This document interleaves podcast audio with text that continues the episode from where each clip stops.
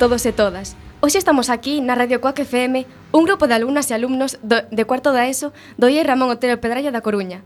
Eu chamome Carla e os meus compañeros son Miriam Hola ja, eh, Yaiza Hola Xosé Hola Zaira Boas tardes E Inés Hola E imos presentar este programa de variedades no que vos falaremos da violencia de xénero, de cine, de música, etc. E esperamos que sexa do vos interese e vos guste.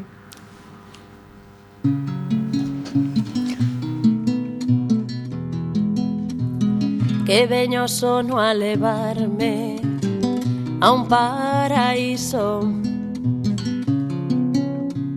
Sen santos nin guardians nin purgatorio. Que sexa o quen decida o que ilusorio. Que o traidor non se esconda tras o aviso.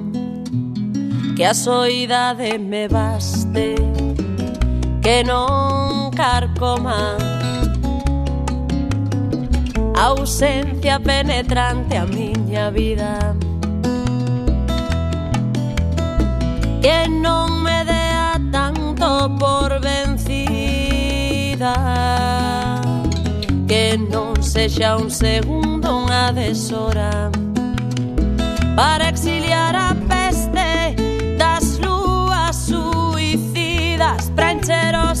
locos das pegadas, das urxentes despedidas para poder seguir cantando, cando ansío unha saída para tronzar os valos das rúas prohibidas. Que suba todo que baixa, redito incluído A primeira sección deste programa chamase Verdade ou Bulo, vostede xulgue. Este xogo consiste en adiviñar se as noticias que imos contar agora son verdadeiras ou falsas. O leite de hipopótamo é rosa. Non, o leite de hipopótamo é branco de toda a vida. Pois eu creo que é verdade, porque para min todo é posible. Pois esta noticia é falsa. O leite dos hipopótamos non é rosa, senón que a súa suor é unha sustancia de cor vermella que os hipopótamos segregan para protexerse dos fortes rayos do sol así como os de insectos e xermes. A crenza de que o leite dos hipopótamos é rosa é porque a súa e o leite se mesturan e fan unha sustancia de cor rosa, pero non se pode consumir. Outra nova. Un millonario ruso vai facer un programa imitando a saga de películas Os Xogos da Fame. Como? Pero iso imposible. Non poden poñer en perigo as vidas de tanta xente. Pois, eu penso que é verdade, porque a xente ten tal obsesión polas películas, as series, que son capaces de facer, de facer calquera cousa para copiar as súas sagas favoritas. Pois esta noticia é verdade. O multimillonario ruso Yevgeny Piatkovsky está desarrollando un reality show que lembra os xogos da fame. O formato chamase Game 2 Winter, traducido galego Xogo 2 Inverno, e será un concurso de supervivencia onde 30 homes e mulleres se enfrontan durante nove meses a temperaturas inferiores aos 40 grados baixo cero nun remoto bosque de Siberia habitado por osos e lobos salvaxes. Para poder participar, participar, só é necesario ser maior de 18 anos e estar mentalmente sans. Outra noticia é Charles Chaplin perdeu no concurso de imitadores de Charles Chaplin. Non, non creo que sexa posible, porque el non se poñía nervioso ao ter que imitarse a si sí mesmo, e outra persoa así. Eu non sei se é verdade ou mentira, pero a verdade sería moi gracioso se fose certo. Pois é verdade. Durante unha das súas viaxes a San Francisco, a Chaplin chegou a noticia dun concurso de imitadores del mesmo e inscribiuse. Increíblemente, o resultado foi desastroso. Non pasou da primeira ronda e os xuices deronlle unha das peores calificacións da súa quenda. Para o xurado, Chaplin non era o suficientemente bo imitando a Chaplin, e o, o premio foi otorgado a un home chamado Milton Berle. E agora, será certo que hai barbas máis sucias que retretes? Pois eu penso que é mentira, porque as barbas non teñen tanta suciedade como a porquería que pode ter un retrete. Porque claro, os homes, supostamente, lavanse a cara todos os días, pero retretes non se lavan todos os días. Por iso unha barba ten que ser máis limpa que un retrete. Pois eu sinceramente penso que é verdade, porque a ver, hai homes que non cuidan a súa barba, polo que podes ter de todo aí. Esta noticia é verdade. Un equipo de científicos analizou a barba dunha alta cantidade de homes e os resultados foron estes. Parte importante das mostras contiñan bacterias daninas, que normalmente se atopan en desfeitos humanos. humanos. Eh, como, por exemplo, as disposicións, o que as fan tan sucias como un retrete público. E dubido que unha persoa desese frotar a súa cara contra un retrete. Outra, Aos estudantes de Dinamarca paganlles para que asistan ás clases. Jo, que guai! Que nos dera? Vou agora mesmo para Dinamarca. Eu creo que tamén é verdade, porque nos países do norte de Europa teñen unhas medidas moi motivadoras para aumentar o rendemento escolar. Pois esta noticia é verdadeira. En Dinamarca os alumnos paganlles por ir á universidade. Esta política beneficiou as tasas de emprego juvenil e o crecemento económico do país. Outra, Unha señora maior ataca o seu veciño co sacho por ir rouballe as patacas. Eu creo que é mentira, porque unha señora maior non é capaz de facer iso. Pois eu creo que é verdade, porque, a ver, se a señora é maior, non lle importará ter que ir ao cárcere. Por o tempo que lle queda, así ve unha nova experiencia. Pois é mentira, rapaciñas. Esta nova, inventámola nós. E así remata esta sección. Esperamos que vos gustase.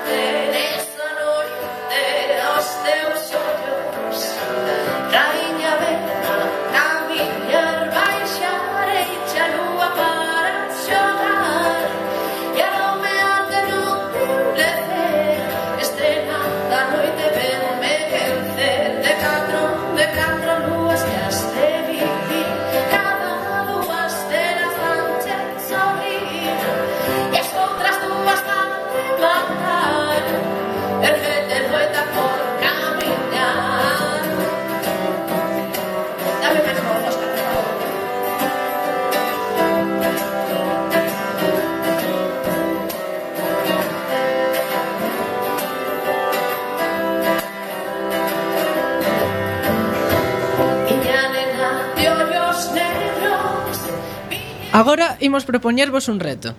Imaginade unha cidade na que hai un apagón e unha persoa vai conducindo. Ao chegar ao pasto de cebra, polo que cruzaba un peón, o home detén o vehículo.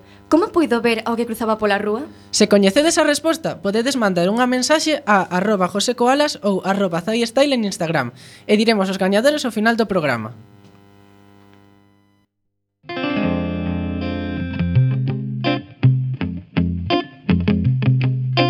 Son unha cidade futurista ca alma enredada na espiral. Arcos, casas, flores de pedra que alguén sementou. A calma no medio do vendaval.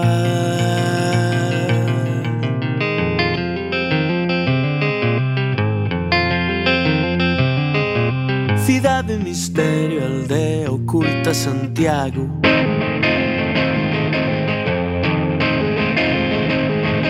magia aparece, invade, transforma os camiños, son ríos, a pedra un manantial.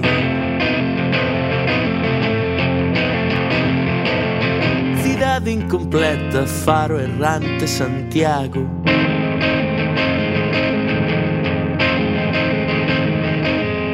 A noite dispuxo que guiasen os astros se saímos o encontro dos que viñan do mar.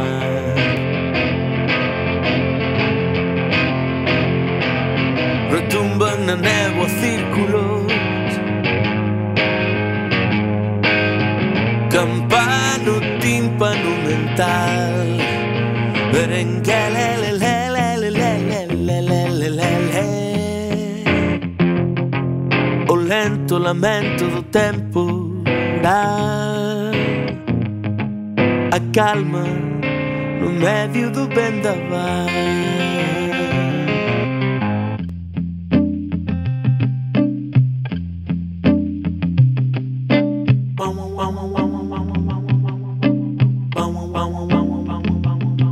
Agora imos dar paso á entrevista con María Pujalte, unha gran actriz galega de teatro de cine que está triunfando a nivel nacional e que protagonizou, entre moitas outras películas, a famosa serie Los Misterios de Laura, e que foi nominada a varios premios importantes. Boas tardes, María. Hola. O primeiro, hola, gracias por atender esta entrevista. A verdade é que nos foi moitísima ilusión ter unha artista consagrada como a ti no noso programa. Bueno. Eh, boas tardes, María. Hola, que eh, tal? Eh, vouche formular a primeira pregunta. Quería preguntarche como foron os comezos da túa carreira. Mm, pois, a ver. Eh, cando eu empecé cando eu era noviña estaba aí en, en Coruña e tal, pois non había, naquela época non había eh, escola de arte dramático e tal, uh -huh. e, e tal. De todos os xeitos eu xa empezara antes cun teatro aficionado, con teatro amador, con 13, 14 anos, mentres terminaba de estudiar, e, eh, e despois eh, chegou chegaron as formacións de, de, para formar dobladores, porque empezaban as televisións autonómicas, uh -huh. íbanse íbanse crear as televisións autonómicas e había que formar dobradores en galego e entón eu tamén me apuntei a eso, empecé aprendín esa, ese oficio de dobradora con 15 anos tamén mentre como estudiaba agora, con 15 anos oh, que eh? como, como nos agora con 15 anos claro, pois pues iso mesmo non? como empezar a a mobilizarte dentro de todo o que ti poidas facer de, de, esas, de ese desexo que tes, de ese soño, pois, bueno, eu que podía facer, pois todo o que podía facía, porque escola oficial non había como hai agora en ah, Vigo, non? E, e despois, bueno, pois sí que vin, eu quería vir a Madrid a estudiar, pero tamén me suspenderon dous anos seguidos, presenteime dúas veces os exámenes, pero non os pasei, e, e bueno, e o camiño foi por outra por outros derroteiros, eu pensaba, pois, quería ter formación académica, non a tiven, foi máis eh, nos escenarios desde, xa che digo, desde Amador, desde o Teatro Amador con Noviña, uh -huh. e despois eh, fíxeme dobladora, empezaronme a contratar, traballei, eh, gañei a vida como dobladora eh, dez anos en, en Santiago e ao mesmo tempo xa comencé, bueno, pois facendo cursos de todo tipo, eh, Mm, e despois eh, eh, indo a castings eh, de, para teatro e, e, e todo ese tempo que se quería dicirvos, porque agora cambiou moito a cousa, sí. era que eu pensaba, eu quería ser actriz e claro, para min eso era ser actriz de teatro. Eu pensaba no teatro. Mm. Sabes, todo isto da sí. da televisión e da proliferación facíase televisión xa, pero para min era unha cousa moi moi lonxana e tamén o cine, non? non pensaba niso. Eu para min quería ser actriz e quería subirme a un oh, escenario. Pois pues, que soño tan guai, eh, que guai que o cumpriras. Eh, sí. Eu son unha das miles de persoas que seguiu a serie dos misterios de Laura e a min e a miña familia gustábanos moitísimo. E quería saber como chegaches a traballar nela e como che sentiches no papel do protagonista. Pois a min chamaronme para para facer Laura, o sea, non, non afortunadamente non tiven que pasar ningunha proba. Ah. Pareceulles ben desde o momento. Sí. Desde que me desde que me propuxeron, pois pues, todos os filtros que hai que pasar, non, que son moitos. Sí. Pois pues, mm, nese momento, nese caso tiven sorte eh, a todo o mundo pareceulle ben que fixera eu e non tiven que facer probas. E, e despois mm, nunca antes e non creo que me pase moitas veces máis eh, tivera um, un, un, unha personaxe de tantísimo peso en, en, en televisión. Sí. Eh, quero dicir que en, na ficción española eh, é, é difícil que, que haxa series de personaxe, que todo está en torno a, a Laura, non? Que non, non se fan moi a menudo, son series máis corales, máis Entón era era unha responsabilidade moi grande porque eso traducido día a día pues, pues son eh, un montonazo de traballo e mm. ter sí, todo o peso da ter todo o peso da historia e estar todo pasado polos ollos de Laura. Mm, entón era unha oportunidade moi grande, un reto moi grande e a min eso me gusta moito, ponme moito as, as pilas traballar moito, moito, moito, moito, non? Despois tiña unha, eh, tiña, tiña un humor suave, era un persona, unha personaxe que eu podía que se podían facer moitas cousas porque non era moi pegado á realidade, tiña algo de como de cuento, non? Era como un conto ás veces, ou como sí, se si bueno. leras unha novela non? Era como un... Claro, sí. Unha cousa... Non eran os policías así da calle, eran como Agatha Christie, sí, era toda como... esta historia detrás da familia tamén. E sí, e despois eh... tiña esa parte familiar tamén moi bonita da historia personal, non? Claro. Pero, o sea, que, entón, tiña moitos alicientes, Laura, e despois era unha muller moi normal, hmm. Por eso eu creo que conectou tanto co público, non? Sí. Foi moi bonito, moi bonito, moi intenso moi agotador, moi divertido, moi bonito, sí. Aprendín moito. Mm. En contraste disto de que a serie de da versión española pois é así moi coñecida por todos e tal agora fixeron unha versión americana. Queremos saber tamén a túa opinión. Que che parece iso? A min gustoume máis a, a española pero bueno. A mí tamén. sobre todo porque a fixen eu. Mira, eh, eh, unha, non, pero a ver, hai hai que hai dúas cousas. Eh, nós somos espectadores eh, Eso está feito para, para, para o público de Estados Unidos, non? Sí. Eh, aquí o importante que casi nunca se fala e eu creo que, que é moi, moi importante para a historia da nosa afición é que por primeira vez na historia se chegou a facer, quero decir, os americanos compran moitos proxectos, compran series, ideas de series, series que xa están feitas, o que lles vai interesando polo mundo enteiro, pois compran, si. Eh, pero despois eso eles pasan moitos filtros e de, de comprar unha idea ou unha serie a chegar a facela, a rodala, uh -huh. iso é, é moi complicado e nunca se producira que compraran un formato de serie español e que chegaran a facelo e que chegaron a, a vamos, a rodalo, a, a gravalo, sabes? E, sí. Entón foi un non sei como, unha, unha boísima noticia para a nosa afición. Uh -huh, Pasou ese ano por primeira vez na historia cos Misterios de Laura e con con pulseras vermellas que é unha serie de TV3. Sí. E iso é o que o que co que me quedo eu, sabes? Porque sí. eso é moi difícil conseguilo e, e o mercado ven todo de Estados Unidos e os como que inventaron que un logro. ¿Eh? Claro. Como? É como un logro.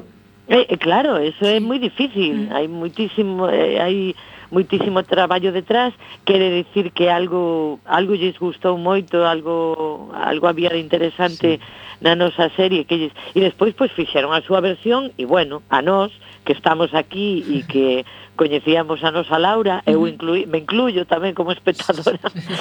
E, e bueno, pero a min fai, fíxeme moita ilusión que se producira que que se, que eso Sí, a ver, bueno, que, é un logro. A min tamén gustoume máis original porque actuabas ti, era un personaxe estupendo. Pero ti mira que se chamaba Os misterios de Laura e, e deixaron é... o título, sí, e chamábase The Mysteries, Mysteries of Laura. Sí. E iso a min me dá moita moito sí, orgullo, sí, claro. Claro. Agora seguramente tamén estarás en moitos outros traballos e proxectos. Contanos, que estás a facer? Pois, pues, ah, mira, estren, eh, estreamos a semana pasada no Fernando no Fernán Gómez en, aquí en Madrid mm. eh, no Teatro Fernán Gómez Tristana que é unha adaptación da novela de Benito Pérez Galdós para, para o teatro ah. e, e bueno e aí estamos dentro da, de Tristana que son catro personaxes Esta é unha, unha novela que levou o cine tamén Buñuel, no seu momento, con, con Fernando Rey, Catrín Denef e Lola Gaus, e, e estamos aí no Fernán Gómez, e bueno, pues arrancando que, que, que parece que, que o público está está animado, que, que está estamos arrancando ben de público e tal, e moi coa estrea moi cercana, non? Estamos uh -huh. todavía... Parece un proxecto, a verdade, moi interesante. Sí, despois estrenase a, a finais de febreiro, estrenase eh, Es Portubien, que é un, unha comedia de, de Telecinco, Na que, televisión ou no eh, cine? No, unha, unha, unha película. película. Sí, se nace no, no, no cine, unha película protagonizada por Coronado, José Coronado, Javier Cámara e Roberto Álamo. Joga, que reparto. Y, pero bueno, despois hai moitas, estamos as mulleres deles, que somos outras tres actrices, e os fillos, non? Porque unha unha comedia sobre a relación de pais e, e fillas adolescentes, eh, así que espero que que, que vayades e que vos sí, divirtades sí, e que, e que gustes. Bueno. Sí, sí. Que mm, Outra pregunta que quería facerche era se che gusta máis traballar eh, no teatro ou no cine como na película esta de Telecinco ou no teatro, como, ou como te sentes máis cómodo? Sí, pois mira, cada, cada lugar ten a súa dificultade, a súa parte bonita tamén e, e ten unha... son... bueno, son... digamos que...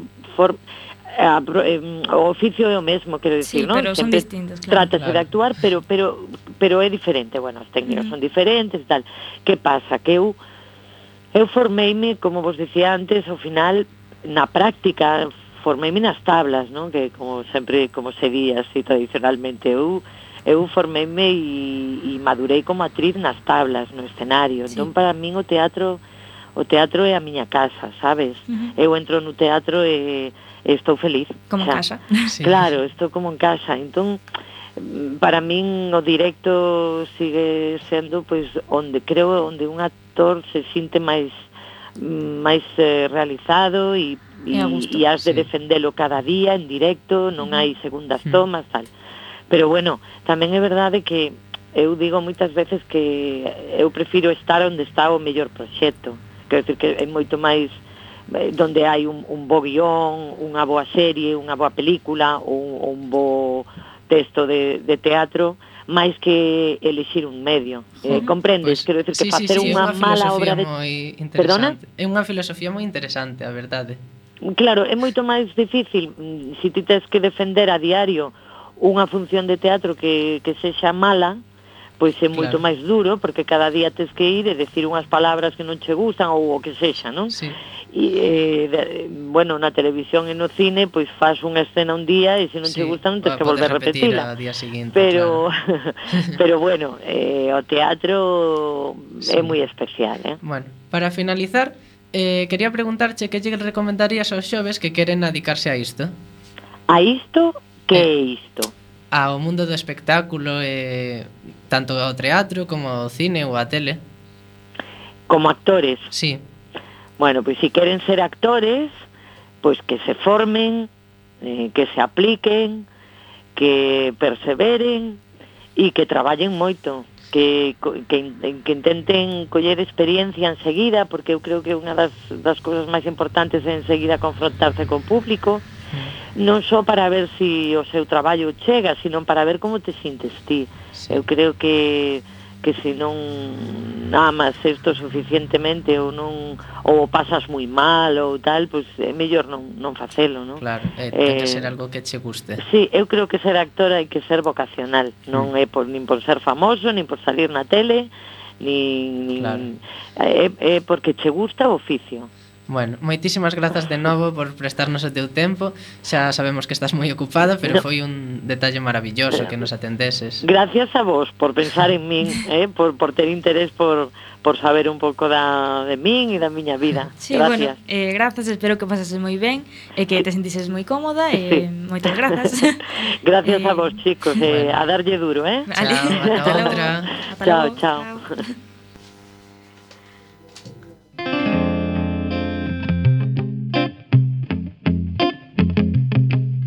Son unha cidade futurista ca alma enredada na espiral. Arcos, casas, flores de pedra que alguén sementou. A calma no medio do vendaval.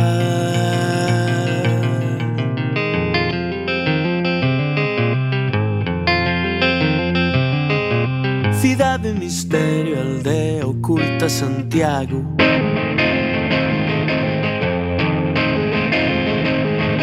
magia aparece Invade, transforma os camiños son ríos A pedra un manantial.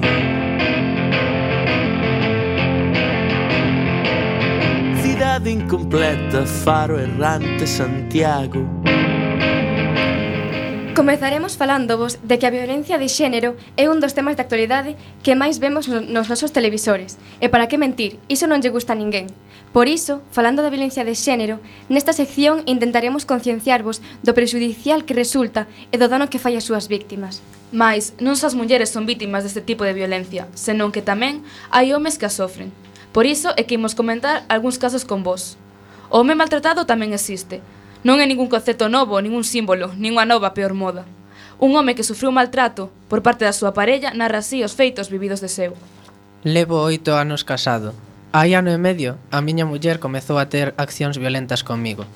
Un día, cando volvía do traballo, tivemos unha discusión relacionada cos meus pais. Ese día os gritos e insultos habituais convertéronse en golpes e puñetazos. Os únicos pensamentos que pasaban pola miña mente eran «Nin se che ocurra tocala, nin se che ocurra tocala». Fun ao hospital e realizaron un exame médico e no informe dicíase que evidenciaba lesións no pescozo, no estómago e nos brazos. Este foi o testemunho de dito home. E agora, queredes saber cal é o perfil psicolóxico dun home maltratado? O acosado soe ter baixa autoestima e pouca valoración de si sí mesmo. Tamén buscan a aprobación da súa parella, que moitas veces non conseguen. Na nosa opinión, aínda que haxa máis casos de violencia de xénero contra mulleres, a violencia contra os homes é igual de importante. Agora, Imos contar un caso similar, pero nesta ocasión a violencia é cara a unha muller. Tivo lugar na localidade galega de Carballo, mais a grillera xa se encontra fora de perigo tras recibir tres puñaladas por parte, por parte do seu mozo. Segundo fontes cercanas á investigación, a vítima sairá a cear cos seus compañeros de traballo e posteriormente foran a un bar de copas da localidade a tomar algo. Foi sair dese local e atoparse coa súa exparella, quen se ofreceu a acompañala ata o seu vehículo. Ao chegar ao coche, o home asestoulle tres puñaladas, concretamente na zona do ombro e do peito. Acto seguido, o agresor deuse a fuga. Ato lugar dos feitos, trasladouse a policía local, a Garda Civil e personal sanitario, que auxiliaron a víctima. Esta, que estaba consciente e que se encontraba fora de perigo, asegurou asegurou a policía que non sabía moi ben o que ocorrera durante o tempo que lles levou chegar ao vehículo dende o local de copas. A muller non quixo presentar denuncia contra o seu agresor, pero el, posteriormente foi detido por un delito de violencia de xénero igualmente. Unha vez máis podemos observar que algunhas mulleres non que, o sea, que sobre este tipo de maltrato non son capaces de denunciarlo. De todo isto, eu penso que é tan importante o maltrato cara a un home como cara a unha muller. Porque aínda que se dan máis casos de maltrato cara as mulleres, o do home non deixa de ser importante, porque a fin ao cabo son todas vidas humanas. Ola, chicos. Hoxe teño unha festa e non estou depilado. Pero non vos preocupedes, teño a solución. Con Depilation Express Super Beauty Infinity estou listo nun momento e a disfrutar da festa. Depilation Express Super Beauty Infinity. Todo o que os homes precisan para ter unhas pernas suaves e perfectas. Seguindo co tema da violencia, agora imos vos falar dun tema que saiu hai moi pouco nas noticias e que é moi polémico. A noticia titúlase Rusia non quere que sexa delito pegarlle a muller unha vez ao ano. As nosas compañeiras Miriam e Jaiza ampliarán esta información. Na actualidade estáse tramitando no Parlamento ruso a iniciativa de dúas deputadas e de dúas senadoras do partido de Vladimir Putin, Rusia Unida, para que a agresión no ámbito familiar, e en concreto a muller, saia da vía penal e só sexa sancionada cunha multa administrativa de 500 euros e 15 días de traballos comunitarios só se poderá procesar ao agresor por vía penal se este volve a maltratar a muller, pero, neste caso, a xusticia tampouco actuará de oficio, senón que a propia vítima debe acudir aos tribunais e reunir todas as probas do maltrato recibido.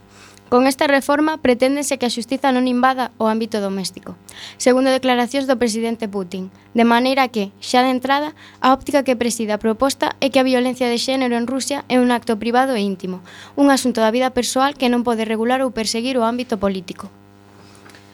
Na primeira votación do Parlamento, esta proposta xa logrou unha maioría apabullante. 368 votos a favor, só un en contra e unha abstención. Agora a Cámara debe votar de novo. Se o texto se aproba, a lei recollerá o dereito a pegar dentro da familia as mulleres, homes e nenos. Rusia é un país con graves problemas, tanto de xustiza como de violencia doméstica. O 40% dos crimes violentos prodúcense dentro da familia e quedan impunes. Get the clue, just get the clue, jo skal der knive, mig lader ikke den på livet til. Jo skal der knive, jo skal der knive, jo skal der knive, mig lader ikke den på livet. Venga luz, brinme su espíritu al hip hop, cuiden comprender o significado da creación. Yo, si serás o meu enviado na terra. O santo micro, e reúnete cos meus discípulos. Leva a miña palabra ali a onde vayas. Non desesperas nunca, érgete cando te callas. Eu pensei, este espírito fumerva ou se raya, pero chegou Santilla e soltou flipé. Rasco o vinilo como nunca vi antes. Pensei que era efecto da priva cos tranquilizantes. Non pode ser, isto ten que ser causa de extraterrestres. Gustaríanos tratar un tema de interese para todos. Estou segura de que moitos de vos escoitades música todas horas. Non é así? Pois queremos ensinarvos como ás veces non somos conscientes do que din os artistas en realidade e como algunhas cancións poden ser verdadeiramente machistas. Baby, dime cuál es tu plan si te me acercas más. Como me mira, como me hace dudar. No es culpa mía si me porto mal. Si me No es culpa mía si me porto mal. Na miña opinión, é unha canción con unha mensaxe horrible, porque di que a culpa de que o home maltrate a muller é dela por provocalo. Eh, esta é unha idea que debe desaparecer da nosa sociedade, xa que a muller é libre para facer o que queira, sen poñerse en perigo, Ela pode se negar a ter relacións en calquera momento, que é tarde para, volver, para voltarse atrás. Quiero una mujer bien bonita, callada, que no me diga nada. Que cuando me vaya a la noche y vuelva en la mañana no diga nada. Que aunque no le guste que tome, se quede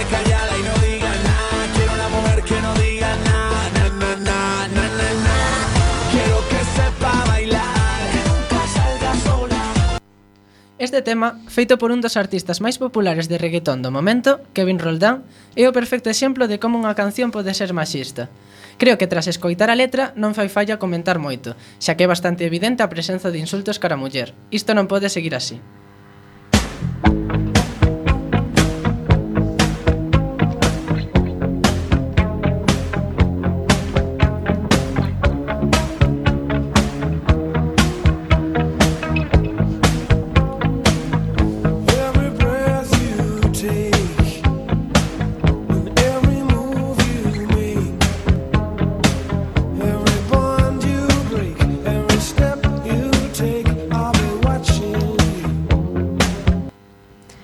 penso que ninguén se esperaba isto de Polis e dunha canción tan coñecida, Every Breath You Take.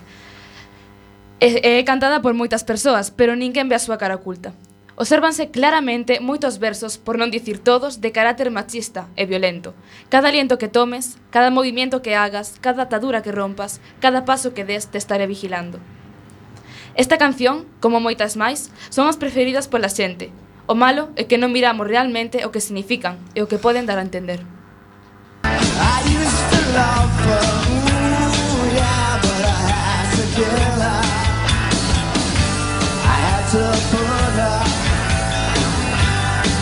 feet under And I can still hear her complain Esta canción é I Used to Love Her de Guns N' Roses. A letra do tema trata dun home que intenta asasinar a unha muller e decide enterrala no seu patio trasero.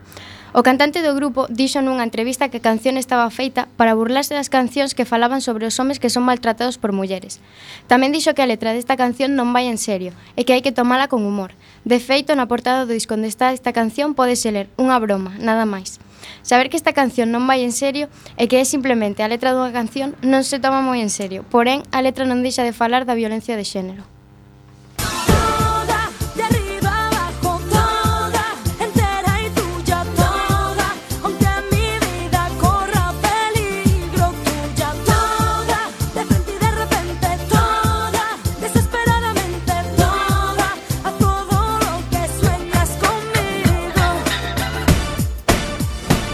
Esta canción é de Malú e titúlase Toda. Non me parece moi adecuada e menos cantada por unha moza, xa que di que a cantante eh, se deixa levar por un home para non perdelo, ou sexa que deixa o seu home faga o que queira con ela para que el non a deixe. Porque tú eres solo mía y él lo tiene que entender. Ella solo chinga conmigo y aquí el cabrón es él. Que no te esté llamando, dile que lo estoy buscando. Si lo pillo por ahí le... Bueno, esta canción titúlase Ella y yo, de varios artistas. Eh, Non poñemos música por respeto aos ointes. Bueno, só en unha parte desta canción porque entenderedes que o resto é moito máis machista e non queremos ferir os vosos oídos nin a vosa sensibilidade con palabras tan despectivas cara ás mulleres como as desta canción. A parte dos insultos que reciben as mulleres, concretamente nesta, outra das cousas que a min me parece horrible é que este videoclip ten 84 millóns de reproduccións en Youtube Quen quere escoitar este desastre? Pois como vedes moita xente. Outra das cousas do machismo, na miña opinión, é, é que se moita xente escoita este tipo de música, quere dicir que tamén os máis novos a poden escoitar. Ou sexa, que se os nenos escoitan estas barbaridades, poden tomar ese exemplo e ser de maiores uns mozos que tratan as mozas ou a calquera tipo de persoa despectivamente e, e eh, sintiéndose superiores. Porque claro, ven que tanta xente baila e canta esas cancións que pensan que é o que está ben. Espero que esta sección vos sirvese de axuda e que saibades que o dano que facedes é real. Unhas veces amarásme, outras odiarásme. Nunca saberás onde estou ou onde vivo. Non son un anxo, agora xa o sabes. Gasolina mala, a nova fragancia para muller. Música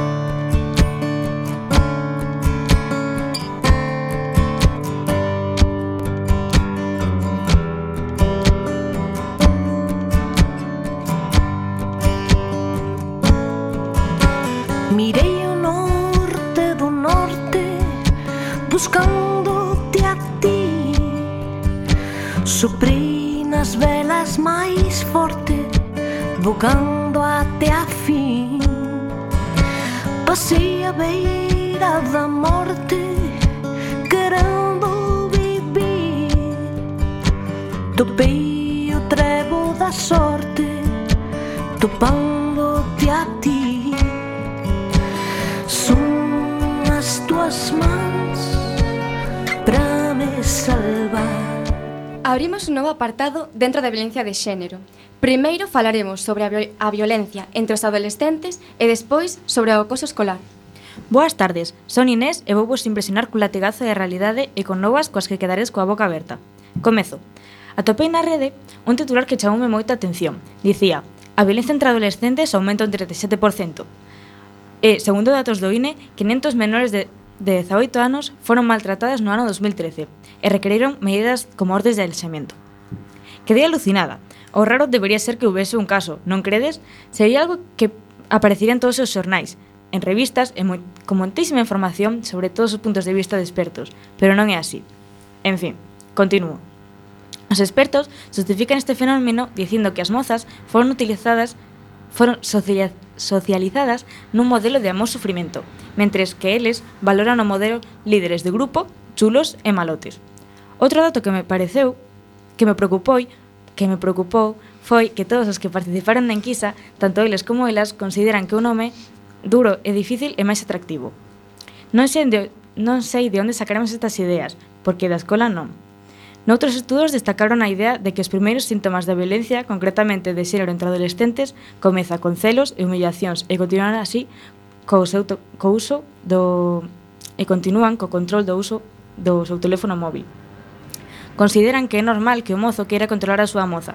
Isto pareceme increíble no século XXI, Un século no cal se dá por suposto que os adolescentes deberíamos estar máis concienciados sobre a violencia, pero resulta que o vemos todo como algo normal. Pero cando non pero cando nos queramos dar conta, xa estaremos dentro do inferno. Así comeza todo, de forma moi sutil. Sobre isto, lín un libro moi interesante chamado O Inferno de Marta, de Pascual Laporte, sobre unha rapaza que sofre violencia de xénero. Deste mesmo tema, fala outro libro, Desnuda, de Jordi Serre Fabra, un autor moi importante na literatura juvenil do noso país, e que non podedes perder de ler e que está traducido tamén ao galego. Outras investigacións concluen que nas últimas décadas, o maltrato entre adolescentes está aumentando. En concreto, o 93% das mozas e o 92,8% dos mozos admiten ter exercido algún tipo de violencia psicolóxica contra as súas parellas. A diferencia máis preocupante entre o que lles sucede ás mozas e os mozos é que a elas tenden a velo como algo normal. En cambio, eles toleran menos que a moza os controle. Deixo vos estes datos porque o mellor a xente vos pode criticar con argumentos como que son exageracións ou cosas polo estilo, pero a información e os datos que atopedes vos non vai ser refutados por ninguén, non teñades medo a expresarvos, sexa polas redes sociais ou comentando temas cos vosos compañeiros. Podes aprender moito, compartindo estas ideas e debatíndoas. Podedes vos sorprender. Pero na adolescencia non só hai casos de violencia entre parellas, senón tamén hai outros como o bullying ou acoso escolar, ciberbullying, acoso a través das redes e o sexting, que consiste en fotografiarse en actitude provocativa e enviar as imaxes á xente de confianza. É unha, esta, esta última, o sexting, é unha práctica que se está se extendendo, pois case un 10% dos xoves eh, de entre 10 e 15 anos reciben fotos cargadas de erotismo e sexo. Fan isto por fanfarronería, por seducir ou porque a súa parella llo pide que para xerar morbo e excitación.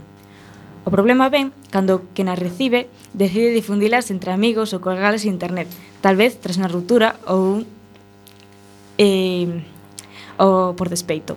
Agora centraríme no caso do bullying ou acoso escolar, xa que topei este titular que me pareceu impactante. Aumenta un, un 75% os casos de acoso escolar atendidos no último ano. A idade media entre os agredidos sitúase nos 13 anos e máis da metade conta os seus pais. Debido a este argumento, contareivos un caso real, que non é dos, dos máis atrozos cometidos. Para casos, para máis casos podemos informar en internet ou na prensa diaria, pero pareceinos interesante, xa que é un lugar moi próximo a onde vivimos nós e daste máis conta de que algo parecido pode sufrir ti ou o teu compañero de pupitre. Contareivos o caso de Pablo, un rapaz que aos 12 anos sufriu bullying. El relata como na súa clase tamén había outro ao que tamén acosaban, pero este non se atreveu a dar a cara. Os acosadores aproveitaron o seu aspecto físico para rirse del. Explícanos como lle tiraban pedras de camiño á escola, e que o acoso o realizaban tanto dentro da escola como no, por todo o barrio, e incluso no equipo de fútbol. Non tiña ningún lugar no que sentirse a salvo. Se estás sufrindo, se tes medo, pide axuda. Comenta aos teus pais, os teus amigos e consideras sair desta situación. Pensao, oh, se ti agora que me escoitas sufriches, a, su, sufrises acoso escolar por par, ou por parte da túa parella ou nas redes sociais, non che gustaría que alguén che botas unha man? Non mires para outro lado cando detectas algo sospeitoso ou se estalle pasando outra persoa, pero mañá podes irte agredido. Concienciate, conciencia aos teus compañeiros, Fagamos deste un mundo máis libre, susto, agradable e seguro. Se sofres acoso, denuncia. Se non, axuda a quen sufra.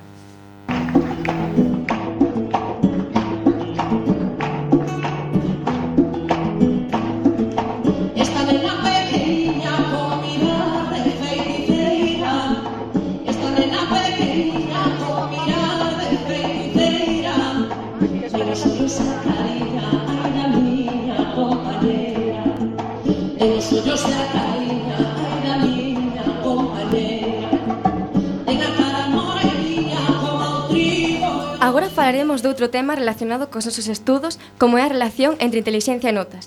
Na nosa sociedade damos por feito que pola simple razón de sacar mellores notas somos máis intelixentes, pero non é así. Hai tipos e tipos de inteligencia, e ademais as calificacións da escola mostran o rendemento escolar de cada alumno, non a súa inteligencia. De aí a existencia de múltiples casos de alumnos cunha gran capacidade de aprendizaxe, pero con pouco rendemento escolar, como amosamos no, no seguinte moi falo de, e coñecido caso. Esta é a historia dun profesor que un día, desesperado polo comportamento da falta de entendemento dun dos seus alumnos, díxolle «Nunca chegarás a nada». Este neno, cos anos, foi coñecido por media humanidade. Chamábase Albert Einstein. Como podes Como pode ser que os alumnos da súa infancia non recoñecesen as enormes facultades intelectuais do que máis tarde sería un dos científicos máis importantes que deu a historia? E, sinxelamente, porque non respondía aos parámetros cos que habitualmente se recoñece a unha persoa intelixente e non souberon interpretar outras variables que desde moi pequeno o definían como un neno de vasto potencial intelectual.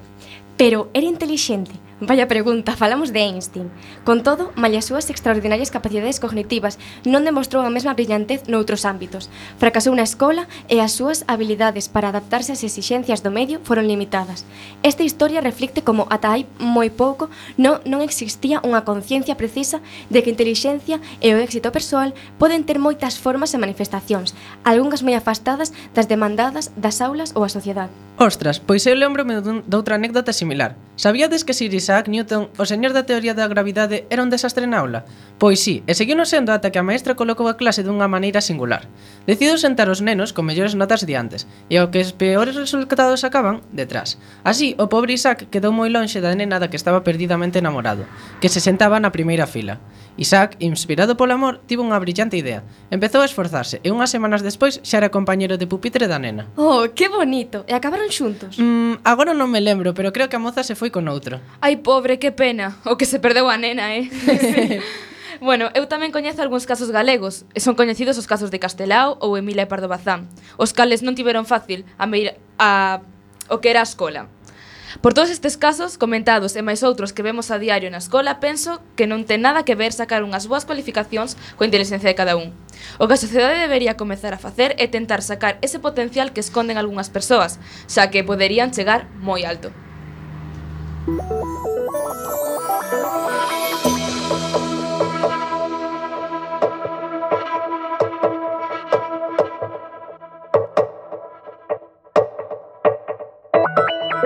Mírame, dame a luz, no te voy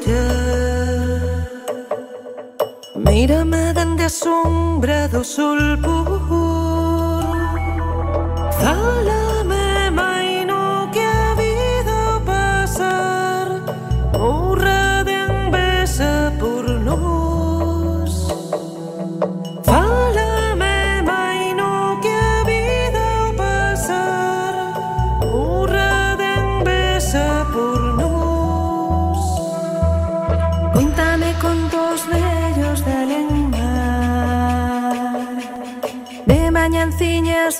φρέσκας να το απέχει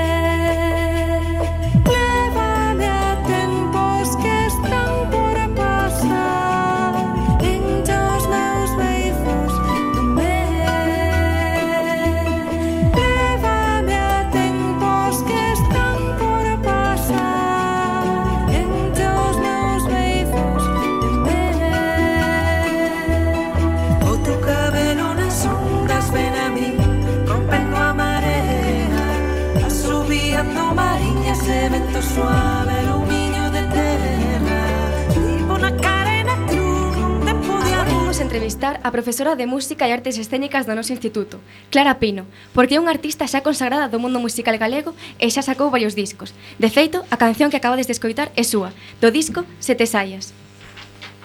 Queremos que se ibades a sobre o seu traballo e os seus novos proxectos. Boas tardes, Clara, como estás? Hola, querida, queridos, que tal? Boas tardes. Eh, bueno, vayamos a entrevista. Gustaríamos que nos comentases como comezou o teu interese pola música. Bueno, o meu interese pola música comenzou dende ben noviña. A verdade é que xa aos oito anos eh, empecé a estudiar música no Conservatorio de Vigo. Empecé estudiando piano e canto eh, e logo co paso dos anos abriuse en Vigo eh, o que agora é a ETRAZ, que é a, o que antes era a Universidade de Música Popular, e ali xa máis eh, maiorciña xa, comecei os estudos de, de arpa celta con Rodrigo e dai beben a, a profesionalización porque justamente o tema que escoitábamos antes eh, Rompendo Marea de Rodrigo de Romaní e un disco que estivo moi eh, supervisado por Rodrigo en todo momento e foi o que un pouco pois eh, introduciume no mundo musical máis profesionalmente falando. Eh, ti, aparte de cantar, tamén tocas varios instrumentos. Cal é o instrumento que máis te gusta tocar? A ver, todos os instrumentos teñen a súa beleza, non toco tantos, eh? Quero decir, eh, pero sin dúbida xa levo moitos anos dedicada a arpa, xa levo máis de, pois pues, mira, frioleira de casi, casi, casi. É verdade, nestes vídeos sempre, sempre te vemos tocar a arpa, eso moi ben. Claro, claro, decir que en realidade eh, o, o meu instrumento agora neste momento xa é a arpa, por excelencia. E a voz, eh, que non esquezamos que é un instrumento tamén. Eh, falando da voz, por que elixiches cantar en galego? Pois mira, foi unha decisión, a verdade, persoal. Eu son, eh, a miña lengua materna, eu son nacín en Vigo. Eh, eh, os meus, a, meu, a, a miña nai, o meu pai, educaronme en, en, en castelán. Eh, a miña lingua materna de feito é o castelán, pero cando me fun a estudar a carreira a Santiago de Compostela, pois empecé a descubrir outro universo lingüístico que para Antón e, pois descoñecía na cidade de Viguesa. Eh, e xa empecé a, a, a tomar conciencia de que quería pois, eh, pasarme o galego e empecé a falar galego. Para falar galego, pois, eh, escoitaba moita xente falando galego, eh, li moito, e convertiuse na miña lingua de uso normal, na miña, na miña vida cotiá, e, e nas aulas tamén, entón, obviamente, é o meu vehículo musical tamén, a, a lingua vehicular da miña música. En que te inspiras para escribir e compoñer as cancións? En que me inspiro? Sí. Na vida. eh, na vida, que é moi moi fermosa na vida, en todo en todo bonito, bonito que ten a vida. Eh, o amor, a felicidade, a familia, unha, bueno, paisaxe, unha boa comida, todo pode inspirar, eh, pero sobre todo na vida. que non eh, é pouco. e falando de vídeos, por que decidiches subir as túas cancións a YouTube e que soasen tamén en Spotify? Perdoa? Que por que decidiches subir as túas cancións a YouTube? A YouTube? Sí. Eh, Home, pareceme unha cana de difusión moi interesante eh, Do último disco, por exemplo, aínda non subimos o disco ás redes sociais É dicir, a Spotify e a todas as canles eh, onde se poden baixar e escoitar libremente, porque parece que non, pero non é tan sinxelo, eh? non é poñes unha tarde e decir, ala, vou subir o disco a Spotify, por exemplo, non non require unha serie de permisos, unha serie de licencias, hai que pagar un, un canon tamén, hai que, eh? entón non é tan sinxelo decir subirlo a todas as plataformas digitais, eh? ollo. YouTube en principio é gratuita e é unha canal de difusión moi interesante, de feito vos sabedes que eu en clase eh, YouTube está sempre presente, é dicir, para ver eh, eh, dende videoclips hasta ata outro tipo de documentos eh, que, que hai que nesa plataforma que parece, me, me parece moi moi útil. E tivetes algún problema para publicalos ou foi todo ben? Ningún, ningún, ningún. De feito, San Simón, o último videoclip que, que subimos, subiu no o Delio Sánchez, que é o que fixo o videoclip e decir, non, ningún, podese subir perfectamente. Agora ben, hai que facer un uso, agora vai falar a profe, non a artista. hai que facer un uso eh, moi moderado e moi consciente das novas tecnoloxías, porque xa sabedes que, bueno, é dicir, todo o que se sube á rede, na rede queda. Entón, bueno, un, eu creo que fan un uso eh, como muller que son eh, aceitado, é dicir, fan un uso profesional eh, das redes e cultural. E agora, para mudar de tema, Por que elixiches dar clase e que, eh, que é o que máis che gusta disto? Pois mira, a lección, eu penso que dar clase lexiuma a min, en realidade. eh, sí, sí, eu estudiei filoloxía, eh, ademais de música, entón, bueno, eh, xa estaba moi vencellada ao castelán e o, e o galego, pola carreira que estudiei, entón, bueno, eh, cando decidín eh, a que me iba a dedicar, tamén meus pais influíron e me dixeron, primeiro ten unha profesión e logo dedícate ao mundo da farándula e isto foi así. Entón a verdade é que estou moi contenta. Eu sempre digo que, que teño dúas profesións neste momento. A miña faceta como docente que me enriquece todos os días gracias a vos porque en realidade traballar eh, con vos eh, eh, é, é fermosísimo e é super enriquecedor. Eu penso que aprendo un máis de vos que vos de min así que bueno, como te digo todo. sí, sí, verdade. Eh, e dime. Eh, que, pro, que proxectos tes en Marta ou, o sea, en marcha ou en mente? Como? Que que proxecto, proxectos, proxectos tes en marcha ou en mente? Mira, agora mesmo acaba de sair do forno eh, eh, o meu último disco xunto con un contrabaixista que tamén compositor e produtor do mesmo, Pablo Vidal. Acaba de sair do forno nada, pois eh, novembro. Entón, xa estamos preparando todos os concertos, teñense que preparar con moitísima antelación, Entón, empezamos, pois mira, sin ir máis longe, o 3 de febreiro, xa temos un concerto na Lin, e a partir do 3 de febreiro xa veñen aí encadenados, hai algún, en verán, sobre todo, xa son os concertos máis importantes, o período estival sempre máis ha caído para para ben un, ou unos concertos en interior ou en exterior, eh? Sí. Bueno. E a grabación do segundo videoclip que está en Barcelona agora montándose. Pois genial, pois moitísimas grazas por atendernos, Clara, foi un placer entrevistarte. Nada, Esperamos placer, que teñas meu. unha boa tarde. Agora deixámonos con unha canción do seu último disco chamada San Simón, e que tanto nos gustou na clase. Biquiños. Biquiños. Chao, Chao, chao. Queridas, chao.